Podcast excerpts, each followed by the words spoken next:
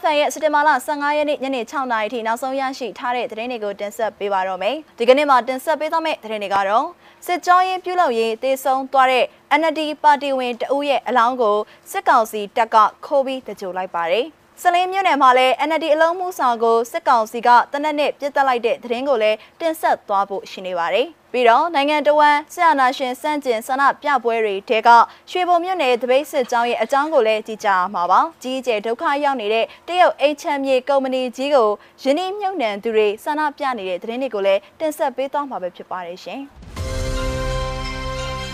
ပထမဆုံးသတင်းတစ်ပုဒ်အနေနဲ့ ဝါမြို့နယ်အမျိုးသားဒီမိုကရေစီအဖွဲ့ချုပ်ရဲ့ပါတီဝင်တဦးကိုစစ်ကောင်စီတပ်ကဖမ်းဆီးနှိပ်စက်တာကြောင့်စစ်ကြောရေးမှာတေဆုံးသွားခဲ့ရပြီးအဲ့ဒီတေဆုံးသွားတဲ့ရုပ်အလောင်းကိုမိသားစုကိုအတိမပေးဘဲခိုးကြောင်ခိုးဝက်မိတချို့လိုက်ပါတယ်။ပဲခူးတိုင်းဝါမြို့နယ်လက်ပံသုံးပင်ကျေးရွာကအသက်60အရွယ်ဦးတန်းအေးကိုစက်တင်ဘာလ23ရက်နေ့ကဖမ်းဆီးသွားပြီးအဲ့ဒီနေ့မှာပဲတေဆုံးသွားခဲ့တာဖြစ်ပါတယ်။ည7နာရီလောက်မှာစင်းရုံရင်ခွဲရုံကိုအလောင်းလာထည့်သွားတဲ့အကြောင်း စင်းရုံရှိကိုလည်းဘယ်သူမှတွာလာခွင့်မပြုဘဲနောက်နေ့မနက်ပိုင်းမှာစစ်တပ်ကပဲမိသားစုကိုအကြောင်းမကြားဘဲတကြိုလိုက်တဲ့အကြောင်းကိုစင်းရုံနဲ့နှီးဆက်သူတအုပ်ကမျက်စိမှကိုပြောပါတယ်။ဦးတန်းရဲ့တေဆုံးမှုနဲ့ပတ်သက်ပြီးမိသားစုအနေနဲ့တကြိုပြီးမှသာသိရှိခဲ့ရပြီးတေဆုံးရခြင်းအကြောင်းရင်းကိုလည်းမသိရှိရသေးပဲဖြစ်နေပါတယ်။ဖန်ဆီးခဲ့ချိန်တုန်းကဝေါ်မြို့နယ်ထွေအုပ်ရုံးအတွင်းရိုင်းနှက်စစ်ဆေးခဲ့တယ်လို့လည်းမျက်စိမှကနေစုံစမ်းသိရှိရပါတယ်။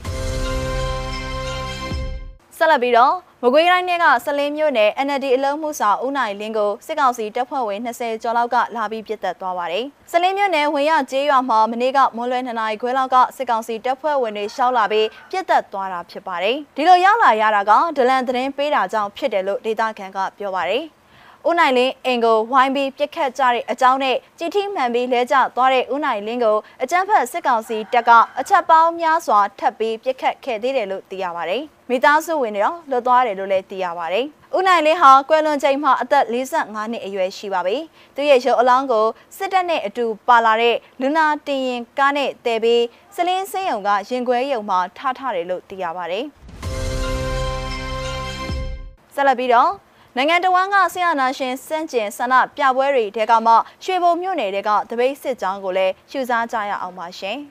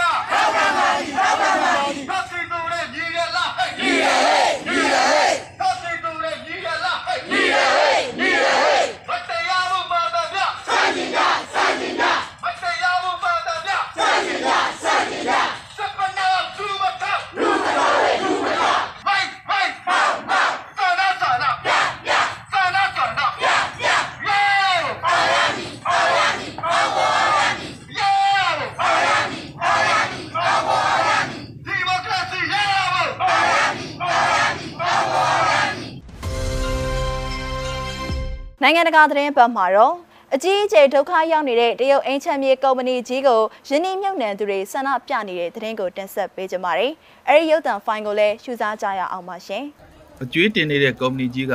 ကြီးမားတဲ့ဖိအားအောက်မှာရောက်နေကြောင်းနဲ့ပြန်ဆက်နိုင်ဖို့ခက်ခဲနေကြောင်းထုတ်ဖော်ဝန်ခံလိုက်ပြီးတဲ့နောက်မှာဒါဇင်နဲ့ချီတဲ့၎င်းရဲ့ရင်းနှီးမြှုပ်နှံသူတွေဟာဒုက္ခရောက်နေတဲ့တရုတ်အင်ချမ်းမြေကုမ္ပဏီ Evergrande ရဲ့ရုံးချုပ်ရှိမှစိုးရိမ်နေကြီးနဲ့ဆန္ဒပြခဲ့ကြပါတယ်။ Evergrande ရဲ့အခက်အခဲကြောင့်ကမ္ဘာဒုတိယအကြီးဆုံးစီးပွားရေးရဲ့လေးပုံတစ်ပုံပမာဏရှိပြီးအကျွေးတန်တရားလည်နေတဲ့တရုတ်အင်ချမ်းမြေလောကအပေါ်ကြရက်ရိုက်လာမှာကိုစိုးရိမ်နေကြပါတယ်။ဟောင်ကောင်ရဲ့စည်ရင်ဝင်ထိတ်တန်းကုမ္ပဏီကြီးဟာလျင်မြန်တဲ့တိုးတက်မှုအတွက်မတင်ငွေအဖြစ်နှစ်အတန်ကြာကချေးယူခဲ့တဲ့ငွေကြောင့်လက်ရှိဒေါ်လာ300ဘီလီယံအကျွေးတင်နေခဲ့ပါတယ်။တောင်ပိုင်းရှန်ကျန်းမြို့မှာရှိတဲ့ Evergrande ရဲ့ရုံးချုပ်ရှိမှာခံမှန်းခြေလူပေါင်း60-90လောက်စုဝေးပြီးကုမ္ပဏီကိုဖြည့်ရှင်းချက်ပေးဖို့တောင်းဆိုနေကြပါတယ်။စာအုပ်ရဲ့အဝင်ပေါက်မှာစိုးရင်တကြီးစုဝေးနေကြတဲ့ရင်းနှီးမြှုပ်နှံသူတွေကိုထိန်းသိမ်းဖို့ရဲတွေကိုအဆောင်ချထားတယ်လို့မြေပြင်မှာရောက်နေတဲ့ AFP သတင်းတောက်ကဆိုပါတယ်။ကျွန်တော်တထေးကဒီကရစရာရွမ်တန်း20ကျော်ရှိတယ်